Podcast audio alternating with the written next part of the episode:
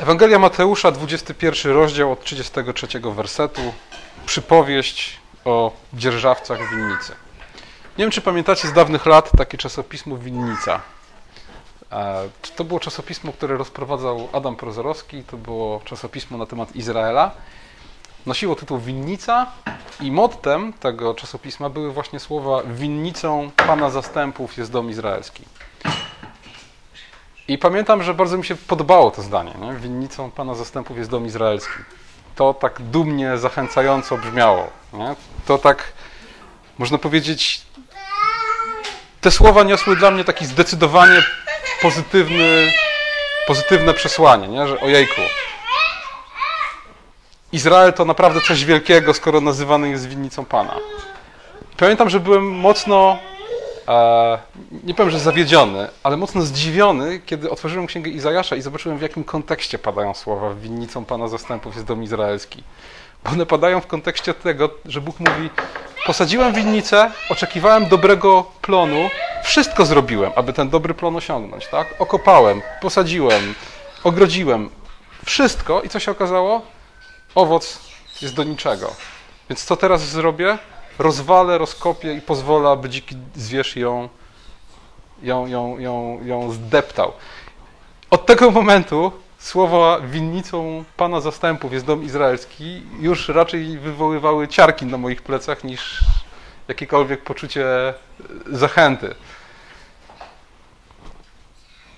I rzeczywiście te słowa padają w kontekście mocnym, w kontekście, który ma, myślę, dla nas bardzo duże znaczenie i nie przypadkiem tekst o dzierżawcach winnicy czytamy razem z tekstem e, z piątego rozdziału Księgi Izajasza, z pieśnią o winnicy, ponieważ w obu przypadkach chodzi o to samo. Bóg jest tym, który sadzi winnicę, oczekuje owocu, a tego owocu nie ma. Tekst Ewangelii Mateusza ma swój oczywisty kontekst historyczny. Ja nie będę za dużo o tym kontekście historycznym mówił, ponieważ mówił o tym Bogumił, ponieważ tekst z poprzedniej niedzieli i tekst z następnej niedzieli, one wszystkie w tym samym kontekście są osadzone. One wszystkie są osadzone w kontekście dyskusji Jezusa z faryzeuszami i one wszystkie wskazują na jedno, na to, że Izrael jako naród zawiódł. Że Izrael, który miał być urodzajnym drzewem figowym, okazał się drzewem, które nie daje owocu, który miał być winnicą Pana, która wydaje dobre owoce, nie przyniósł dobrej owocy. Że zarządcy Izraela, jego przywódcy, którzy mieli być dobrymi dzierżawcami, którzy mieli o winnicę dbać i dbać o to, aby jej właściciel we właściwym czasie dostawał swój owoc, okazali się niewierni. Nie tylko nie oddawali właścicielowi winnicy owocu we właściwym czasie, ale zabijali i znieważali jego sługi, proroków, a w ostatecznym rozrachunku znieważyli, wyprowadzili poza winnicę i zabili syna, dziedzica, tego, który przyjechał odebrać to, co mu się słusznie należy. I dlatego Chrystus jest kamieniem węgielnym, który odrzucili budowniczowie. Dlatego, kto by na ten kamień upadł, roztrzaska się, a na kogo ten kamień upadnie, tego zmiażdży. I dlatego ostatecznie Chrystus mówi: Królestwo Boże zostanie wam zabrane, a dane narodowi, który będzie wydawał jego owoce. I ten tekst, wiele innych tekstów w sąsiedztwie, przekazuje nam tę prawdę, że Królestwo Boże jest dzisiaj w rękach Kościoła. Już nie fizyczny, etniczny, etniczna wspólnota religijna, którą był Izrael. Już nie Izrael jest depozytariuszem Bożych praw, już nie Izrael jest winnicą Pana zastępów. Nie kapłani i lewici są jej dzierżawcami, ale Kościół jest winnicą Pana zastępów i Kościół jest w rękach narodów, w rękach Kościoła jest Królestwo Boże. Oczywiście, gdybyśmy pozostali na poziomie tego oczywistego kontekstu historycznego, to tekst oprócz teologii nie niósłby za sobą niczego innego dla nas. Dlatego nie pozostajemy na tym poziomie, idziemy dalej i zastanawiamy się, e, jakiego rodzaju zachętą i przestrogą dla nas jest ten tekst. patrząc na to, co spotkało Izrael i jego przywódców, zastanawiamy się nad tym, co może spotkać nas. Pamiętając o tym, że ten sam Bóg, który osądził Izraela, jest naszym Bogiem, że u niego nie ma podwójnych standardów i on tak samo gorliwie i, i wytrwale oczekuje owocu dzisiaj od Kościoła, jak swego czasu oczekiwał go od Izraela. Jakiego owocu oczekuje Bóg? Kiedy zobaczycie, w jakim kontekście słowo owoc występuje w Nowym Testamencie, okazuje się, że to słowo występuje w Nowym Testamencie 60 razy i w olbrzymiej większości ma znaczenie przenośne. W olbrzymiej większości nie chodzi tu o owoc fizyczny, tylko właśnie o owoc duchowy. Czasem mowa jest o owocu sprawiedliwości, czasem jest mowa o owocu śmierci, ale w większości przypadków to słowo ma takie właśnie przenośne znaczenie. W drugim liście do Koryntian, 9 rozdział, 10 werset, czytamy, że Bóg przysporzy sprawiedli owoców sprawiedliwości waszej.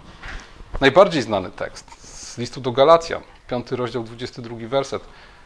Owocem ducha są miłość, radość, pokój, cierpliwość, uprzejmość, dobroć, wierność. W liście do Efezjan, w 5 rozdziale, 9 wersecie czytamy, że owocem światłości jest wszelka dobroć i sprawiedliwość. List do Filipian mówi o tym, że mamy być pełni owocu sprawiedliwości ku chwale i czci Boga. List do Kolosan mówi, że mamy postępować w sposób godny Pana ku zupełnemu Jego upodobaniu, wydając owoc w każdym dobrym uczynku i wzrastając w poznawaniu Boga. I wreszcie list Jakuba, trzeci rozdział, 18 werset, mówi o tym, że owoc sprawiedliwości bywa zasiewany w pokoju przez tych, którzy pokój czynią. Jednym słowem, owoc, którego oczekuje Bóg, to wzrost. Wzrost w miłości, wzrost w służbie, cierpliwości, gotowości do wybaczania, oddaniu sprawie Królestwa Bożego. To jest owoc. I o tym mówi zarówno ewangelista Mateusz, kiedy mówi: Nie oddaliście Bogu owocu we właściwym czasie, i o tym mówi prorok Izajasz, który mówi: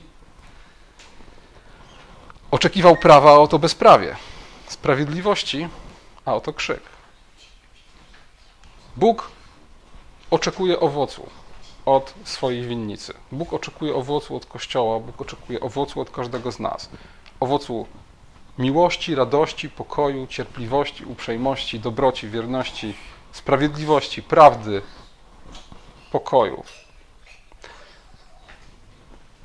I warto sobie tutaj uświadomić, dlaczego, dlaczego Bóg oczekuje owocu.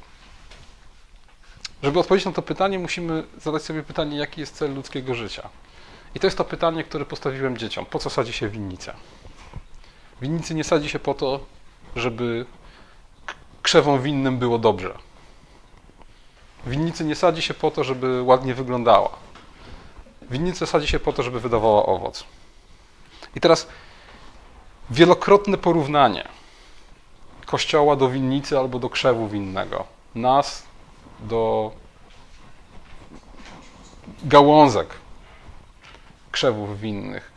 To wielokrotne porównanie a jeszcze dodatkowo wzmocnione porównaniem do drzewa figowego, gdzie też jest kontekst owoców, ono pokazuje nam, że celem, dla którego Bóg nas stworzył i umieścił w konkretnym miejscu i czasie, jest owoc, którego Bóg oczekuje. Bóg zasadził winnicę, aby zebrać plon. Ewangelia Jana, 15 rozdział 6 werset. Nie wyście mnie wybrali, ale ja was wybrałem i przeznaczyłem was, abyście szli i owoc wydawali, i aby owoc wasz był trwały.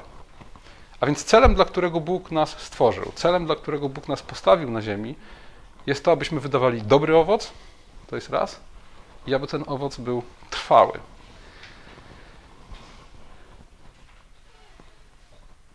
Chodzi za mną cały czas zdanie, które jakiś czas temu przeczytałem w książce Lloyda Jonesa, który napisał, że E, Bogu bardziej zależy na tym, żebyśmy byli święci, niż na tym, żebyśmy byli szczęśliwi. Krótko mówiąc, Bożym celem jest przede wszystkim życie owocne, a nie życie szczęśliwe i beztroskie. I to powinno całkowicie zmienić naszą optykę. Nie jesteśmy tu na ziemi po to, aby się dobrze czuć, krótko mówiąc. Nie jesteśmy tu na ziemi po to, aby się dobrze bawić. Jesteśmy tu po to, aby wydać owoc sprawiedliwości i aby ten owoc był trwały. Po to, aby budować Królestwo Boże i po to, aby zostawić po sobie trwały owoc dla Królestwa Bożego. I słuchajcie, to powinno całkowicie zmienić naszą optykę, bo każdą życiową decyzję, i wielką, ważną, i, i drobną, powinniśmy podejmować w oparciu o to kryterium. Jaki owoc wydaje ta decyzja? Czy w ten sposób przysłużymy się Królestwu Bożemu, czy nie? I oczywiście to nie jest tak, że Bóg nie pragnie naszego szczęścia, to nie jest tak, że Bóg chce, żeby nam było źle. Nie. Problem polega tylko na tym, że jeśli szukamy w tym życiu szczęścia, jeśli szukamy tego, żeby przeżyć sobie życie spokojnie, szczęśliwie i beztrosko, to najprawdopodobniej tego nie znajdziemy. Ponieważ człowiek, który tym się kieruje, nie wydaje owocu. A dojdziemy do tego za chwilę.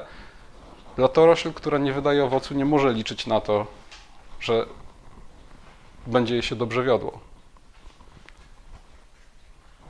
To jest tak jak z szukaniem Królestwa Bożego. Chrystus mówi: Szukajcie wpierw Królestwa Bożego, Jego sprawiedliwości, wszystko inne będzie Wam dodane. Jeśli szukacie wszystkiego innego, to nie znajdziecie tego, czego szukacie, a stracicie Królestwo Boże. Jeśli w swoim życiu kierujesz się tym, aby, być, aby przeżyć to życie szczęśliwie, beztrosko i na luzie, to nie przyniesiesz owocu i nie licz na to, że twoje, że twoje życie będzie szczęśliwe i beztroskie. Jeśli chcesz być raczej święty niż szczęśliwy, jeśli szukasz przede wszystkim tego, aby wydać owoc dla Królestwa Bożego, wtedy wydasz owoc, a na dokładkę Bóg uczyni Twoje życie szczęśliwym, chociaż to szczęście może wyglądać inaczej niż, niż zwykle ludzie sobie wyobrażają. Bóg bardzo poważnie traktuje to oczekiwanie owocu. Ewangelia Jana 15, rozdział 2, werset. Każda latorośl, każdą latorośl, która we mnie nie wydaje owocu, odcina, a każdą, która wydaje owoc, oczyszcza, aby wydawała obfitszy owoc. A więc to nie jest opcja. To nie jest tak, że jak zostałem chrześcijaninem, to teraz muszę się zastanowić, czy chcę być takim luźnym chrześcijaninem, czy chcę wydać owoc. Nie? Chrześcijanin wydaje owoc. Wydaje owoc sprawiedliwości. Wzrasta i pracuje dla Królestwa Bożego. I Chrystus wręcz poddaje w wątpliwość wiarę w sytuacji, w której nie ma owoców. Ewangelia Mateusza, 7 rozdział, 16 werset. Po ich owocach poznacie ich. Czyż zbierają winogrona z cierni albo z ostu figi? I dwa wersety dalej. Nie może dobrze, dobre drzewo rodzić złych owoców, ani złe drzewo rodzić dobrych owoców. A więc chrześcijanin wydaje owoce. Taki jest cel i sens jego życia. Po to tu jesteśmy. Po to Bóg zasadził swoją winnicę, aby ona przynosiła owoc dla Niego. Jeśli nie wydajesz owocu, jeśli Kościół nie wydaje owocu, to pytanie, czy jest Kościołem. Jeśli chrześcijanin nie wydaje owocu, jeśli nie wzrasta, pytanie, czy jest chrześcijaninem. Bo czy dobre drzewo może wydawać złe owoce, albo złe drzewo dobre owoce? I oczywiście pojawia się tu pytanie, jak to się ma do, do naszej wiary w sola fide, sola gratia, tak? w to, że zbawieni jesteśmy jedynie z wiary, to, że zbawieni jesteśmy tylko z łaski, że, że nie ma w tym naszych zasług. No, połączenie jest bardzo proste. Wszystko jest łaską. Jeśli przynoszę owoc, to nie jest to moja zasługa, ale jak samo słowo na to wskazuje, owoc tego, co Bóg czyni w moim życiu. Owoce ducha nie są umiejętnościami, które w sobie wyrabiamy, nie są cnotami, które, które sami w sobie kształtujemy siłą własnego charakteru, tylko są owocami ducha. A więc owocami tego, że Duch Boży jest w nas, a my wzrastamy w Chrystusie. A więc to, co ludzie uważają za cnoty, to, co filozofowie uważali za cnoty będące efektem ludzkich wysiłków. Radość, cierpliwość, uprzejmość, dobroć, wierność. My wiemy, że to jest wszystko owocem ducha. My wiemy, że to Duch Boży sprawia w nas wszystkie te rzeczy. Słowo Boże mówi wyraźnie, że prawdziwa wiara jest owocna. Że wiara, która jest bezowocna, wiara, która nie wydaje owocu, nie jest prawdziwą wiarą. A jesteśmy zbawieni tylko przez wiarę, jedynie przez wiarę, ale nie przez wiarę, która jest osamotniona, która nie prowadzi i nie rodzi w nas owoców ducha. W ten sposób zmierzamy do pytania, na jakiej podstawie mogę uważać siebie samego, bądź też kogokolwiek za chrześcijanina. I przez wieki ludzie nie mieli wątpliwości, że tym kryterium są owoce. Po owocach ich poznacie. Mogę uważać, nie znam ludzkiego serca, ale mam prawo uważać kogoś za chrześcijanina, jeżeli widzę, że nawrócił się, trwa w społeczności Kościoła, trwa w Chrystusie. Oczywiście jest niedoskonały, grzeszy, upada, ale nie trwa w grzechu. Nawraca się, wyznaje swoje grzechy, przebacza swoim winowajcom. To, to wszystko to są owoce i to wszystko pozwala mi uważać kogoś za mojego brata w Chrystusie. Zobaczcie, w momencie, w którym ewangeliczne chrześcijaństwo zgubiło tę prawdę, okazało się, że yy, uważamy kogoś za chrześcijanina na podstawie czego? Na podstawie tego, że podniósł rękę albo wyszedł do przodu w trakcie ewangelizacji. Doszło do tego, że ewangeliczni chrześcijanie e, podważali prawdziwą wiarę kogoś, kto wzrastał w chrześcijańskim domu i nie mógł sobie przypomnieć dnia, w którym się nawrócił, no bo skoro nie zna tego dnia, nie, nie przeżył takiego przełomu, to coś z jego wiarą pewnie jest nie tak.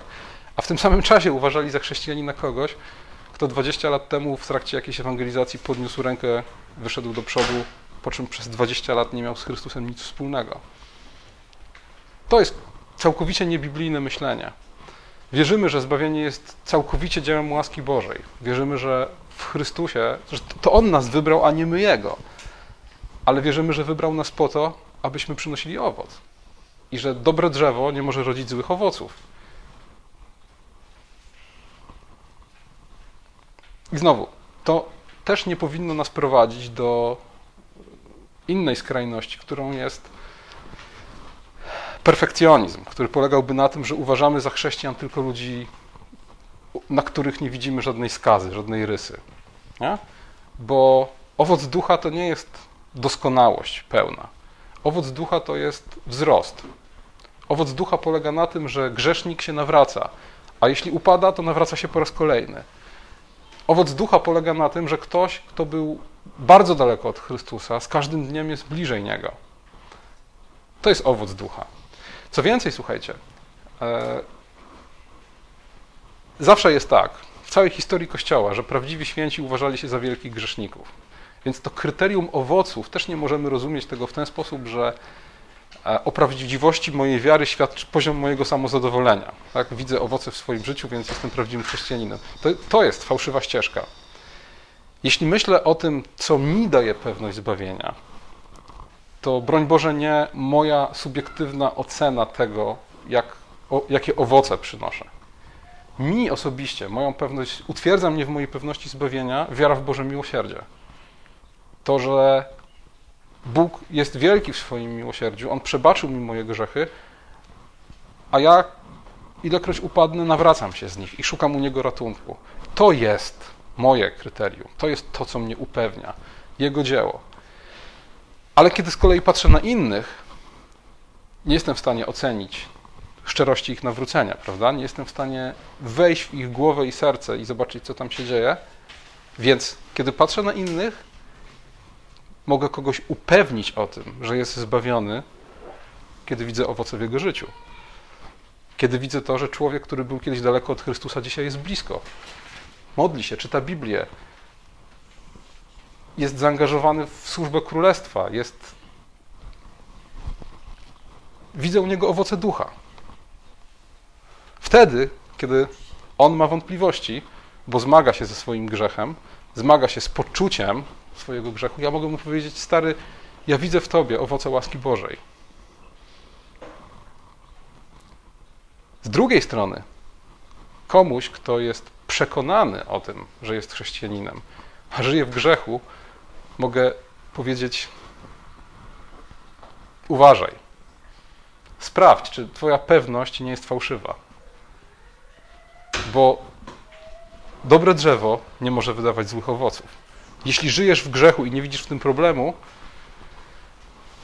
pytanie, czy rzeczywiście jesteś prawdziwym chrześcijaninem?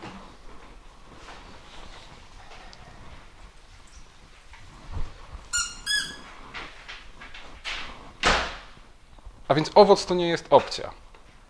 Prawdziwy chrześcijanin wydaje owoc ducha. Po owocach poznajemy tych, którzy do Chrystusa prawdziwie należą. Oba teksty z Księgi Izajasza i z Ewangelii Mateusza wskazują na jeszcze jeden aspekt tego oczekiwania owocu. Wskazują na to, że Bóg ma prawo tego owocu oczekiwać ze względu na to, co uczynił dla swojego ludu. W opisie winnicy z Księgi Izajasza widzicie, że tam jest mowa, że Bóg mówi, co jeszcze mogłem dla niej zrobić, dla tej winnicy? No, wszystko zrobiłem, prawda? Niczego jej nie brakowało. I dokładnie tak samo Bóg może powiedzieć do nas. Czego wam brakowało z mojej strony? Pokażcie. Pokażcie, czego wam brakowało, aby wydawać dobre owoce. I odpowiedź jest tylko jedna: niczego. Bóg w swojej hojności obdarował nas wszystkim, czego potrzebujemy, aby mu służyć, wszystkim, czego potrzebujemy, aby oddawać mu chwałę, aby przynosić dobry owoc. Nikt z nas nie może powiedzieć, że byłem zbyt biedny, zbyt zajęty, zbyt mało inteligentny, zbyt zaabsorbowany, czy jakkolwiek inaczej, jak, czy cokolwiek innego, aby wydawać owoc. Jeśli myślimy czasem o sobie w ten sposób, że nic nie mamy, czym moglibyśmy się podzielić z innymi, że nic nie mamy, w czym moglibyśmy wzrastać i wydawać owoce, to jest to myślenie fałszywe. Dlatego, że Biblia upewnia nas o tym, że wszyscy zostaliśmy przez Boga obdarowani w taki sposób, aby móc służyć innym i wydawać owoc godny Królestwa Bożego. I cokolwiek myśli o sobie winnica, jest nieistotne. Bóg mówi: Wszystko zrobiłem, co było potrzebne, aby winnica wydała dobre owoce. Jeśli nie wydała dobrych owoców, to nie z mojej winy, nie z mojej przyczyny. I w tym kontekście brak owoców w jednym i w drugim tekście pokazany jest jako jawna niewdzięczność. E, bardziej widać to w Ewangelii Mateusza, bo księdze Izajasza ta winnica jest jednak bezosobowa, prawda? W księdze, w Ewangelii Mateusza mamy ludzi, którzy dostają winnicę w zarządzanie, ale okazują się niewdzięczni. Okazują się do tego stopnia niewdzięczni, że nie tylko odmawiają oddania panu winnicy tego, co jest mu należne, ale znieważają jego sługi, zabijają je, a na końcu zabijają jego syna. A więc nie tylko zapominają o wdzięczności, ale okazują rażącą niewdzięczność. Nie tylko nie odpłacają dobrem za dobro, ale odpłacają złem za dobro. Słowo Boże mówi, od kogo, komu więcej dano, od tego więcej będzie się wymagać. Dlatego w tym historycznym kontekście Izraela tak mocno jest to podkreślone. Nie? Bóg wszystko, co tylko mógł, zrobił dla swojej winnicy. A kiedy coś się zaczęło dziać źle, kiedy nie dostawał na czas swoich owoców, nie zerwał tej umowy od razu. Nie wyrzucił wieśniaków z winnicy od razu, ale cierpliwie wysyłał kolejne swoje sługi, znosząc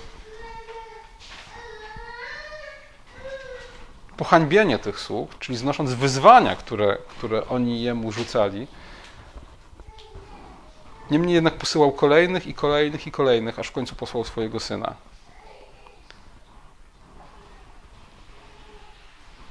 Dokładnie w takiej sytuacji znajduje się człowiek, który obdarowany przez Boga, jego darów używa po to, aby żyć szczęśliwie i beztrosko, zamiast w tym celu, aby wydawać owoc dla Boga.